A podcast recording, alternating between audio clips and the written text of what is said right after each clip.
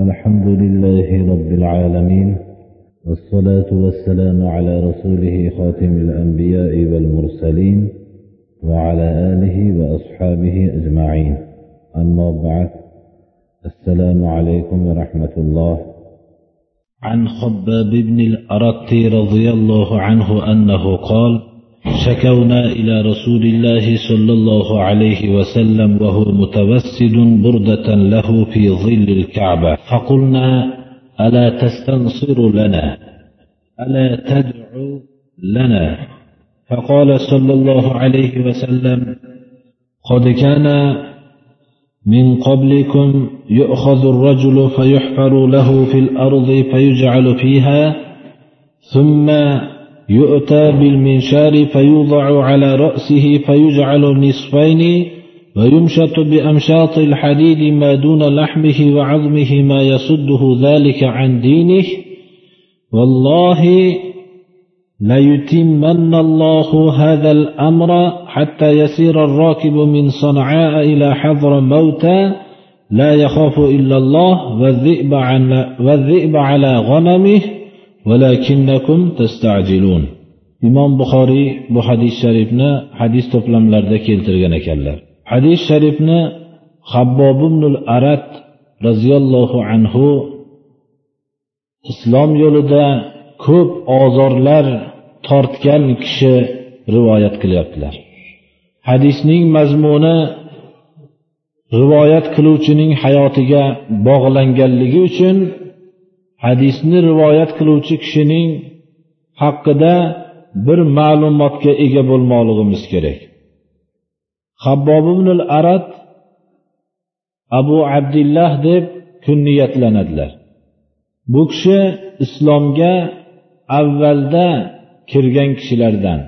Hatto ba'zi rivoyatlarga qaraganda bu kishi islomga oltinchi navbatda islomni qabul qilganliklari rivoyat qilinadi. Bu degan so'z islomda birinchilar safidan o'rin olganliklarini bildiradi. Tabiiyki islomni avvalda qabul qilgan kishilar olloh yo'lida ko'p ozor azob chekdilar. Habbobinul aratning olloh yo'lidagi tortgan azobdan bo'lgan ulushi nihoyatda katta bo'ldi. Habbobinul arat umma anmor deb nomlangan bir quraysh mushrika ayollarining quli edi. Bu ayol habbob ibnul aratning islomni qabul qilganligini eshitgandan tortib azob bera boshladi. Azobning surati ko'proq temirlarni qizdirilib peshonalariga orqalariga jasadlariga bosilardi. Ana shunday azobni din yo'lida tortgan zotlardan bu kishi.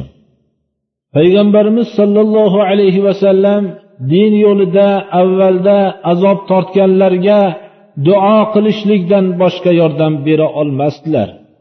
Chunki u vaqtda atroflarida yig'ilgan kishilar nihoyatda oz edi. Mana aytib o'tyapmiz bu kishi oltinchi musulmon bo'lgan kishilardan deb rivoyat qilinadi. Allohimmansur hobbaban deb duo qildilar. Xudoyo habbobga o'zing yordam bergin deb duo qilardilar. Alloh subhanahu va taolo bu habbob ibnul aratning azob berayotgan umma anmor deb nomlangan mushrika ayolni bir dardga chalib qo'ydiki bu boshni og'rig'i natijasida itga o'xshab uvillaydigan bir kasallikka uchradi. Uning davosi faqat boshiga temirni qizib bosilgandagina tuzaladi deb tabiblar tarafidan aytildi. Albatta buni bir xizmatkor bajarishligi kerak edi. Umma anmorning boshiga habbobimnul arat temirni qizdirib bosdi shundagina tuzalgan bo'ldi. Shunday alloh subhanahu va taoloni dinini rivojlantirishlik yo'lida habbob ibn arad ko'p azob chekkan kishilardan hisoblanadi.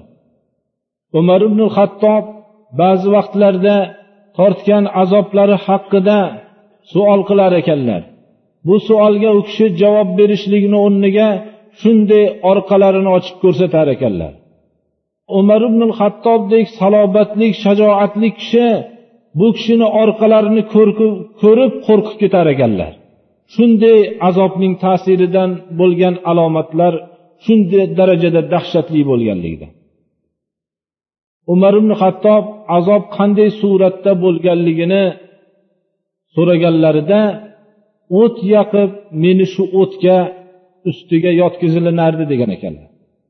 Hatto o'tni badanimdan tushgan yog' o'chirib qo'yardi der ekanlar shu darajada ollohni yo'lida azob chekkan kishilardan hisoblanadi vafot topganlarida ali roziyallohu anhu bu kishini dafn marosimlarida turib aytgan ekanlar rahimallohu xobbaban aslama rog'iban va hajara toian va asha mujahidan وابتلي في جسده ولا يضيع الله أجر من أحسن عملا ollohni rahmati bo'lsin habbobga. O'zi rag'bat qilib islomni qabul qilgan edi. Dunyo uchun yo bir martaba uchun islomni qabul qilmagan edi. Oltinchi islomni qabul qilgan kishilarga hech qanday bir mukofot yo'q edi birodarlar. Faqat azob mukofoti bor edi. Ana bunday kishining rag'bat bilan islomni qabul qilganligi tabiiydir itoatkorlik bilan hijrat qildi. Makkadan madinaga hijrat qildilar va mujohid bo'lib yashadilar. Jasadida ko'p azoblarni tortdilar. Alloh subhanahu va taolo bunday yaxshi amallarni qilgan kishini hargiz amalini zoyi qilmaydi deb shunday degan ekanlar.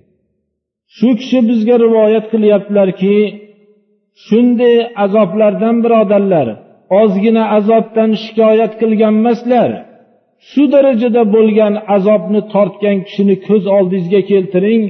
Shunda insonlik xususiyati bilan ba'zi vaqtlarda aytadilarki rasululloh sollallohu alayhi vasallamga shikoyat qildik. U kishi o'zlarining kiyimlarini bolish qilib yonboshlab kabaning soyasida o'tirgan edilar. Biz aytdikki yo rasululloh bizga xudodan bir yordam so'rang xudoga bir duo qiling bizga bu azoblarni ko'tarsin deb shikoyat qilib bordik deydilar. Shunda aytadilarki habbobinul arad rasululloh sollallohu alayhi vasallam bizga aytdilarki shunda ba'zi rivoyatlarda shunday g'azablanib o'rinlaridan turib ketdi degan rivoyatlar ham bor. Sizlardan ilgarigida ilgarigi vaqtlarda ba'zi din yo'lida azob tortgan shunday kishilar bo'lganki dinda barqaror bo'lganligi uchun ba'zi kishilarni olib kelib chuqur kavlanib shu chuqurga tushirilib arrani olib kelib boshlaridan ikkiga bo'lib tashlanardi. Ba'zilarini temir taroqlarni olib kelib go'shti buni butun tutib suvagini ochib qo'yilinardi. Mana shunday azoblar ham dinidan qaytara olmadi u kishilarni degan ekan. Qasam ollohgaki dedilar payg'ambarimiz sollallohu alayhi vasallam olloh bu dinni komil qiladi.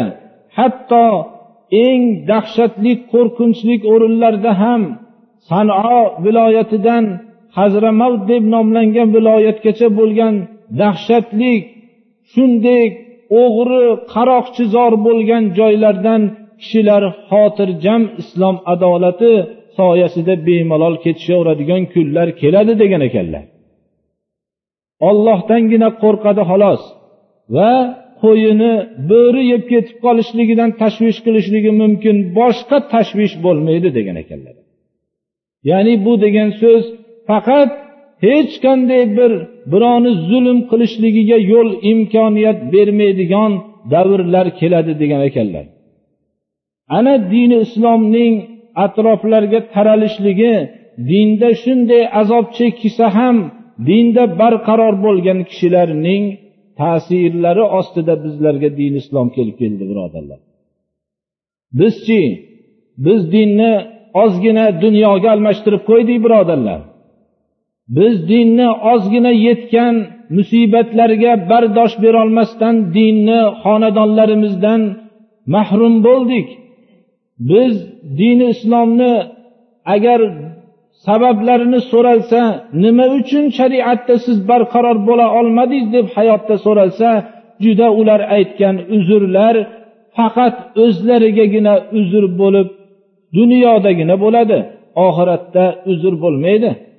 Rasululloh sollallohu alayhi vasallamning huzuriga shunday azob chekkan kishi kelganlarida ham bu azob sizlarga uzr endi shuncha qattiq azob tortdinglar sizlar dinda sust bo'lsanglar bo'laveradi demadilar. Aytdilarki sizlardan ilgarigilar bundan ham qattiq azob tortganda dinni bermagan degan ekanlar. Bizni o'zimizni hayotimizdagi shariat ilmlaridan shariatni bilishlikdan uyimizdagi shariatlarning ketishligini bir sababini tekshirib ko'rsak ashoblar tortgan azobning birortasini biz tortganimiz yo'q birodarlar. Ollohni huzuriga hamma ketyapti. Hamma ollohni huzuriga boradi. Mana bu joyda savol javob muqarrar bo'ladi.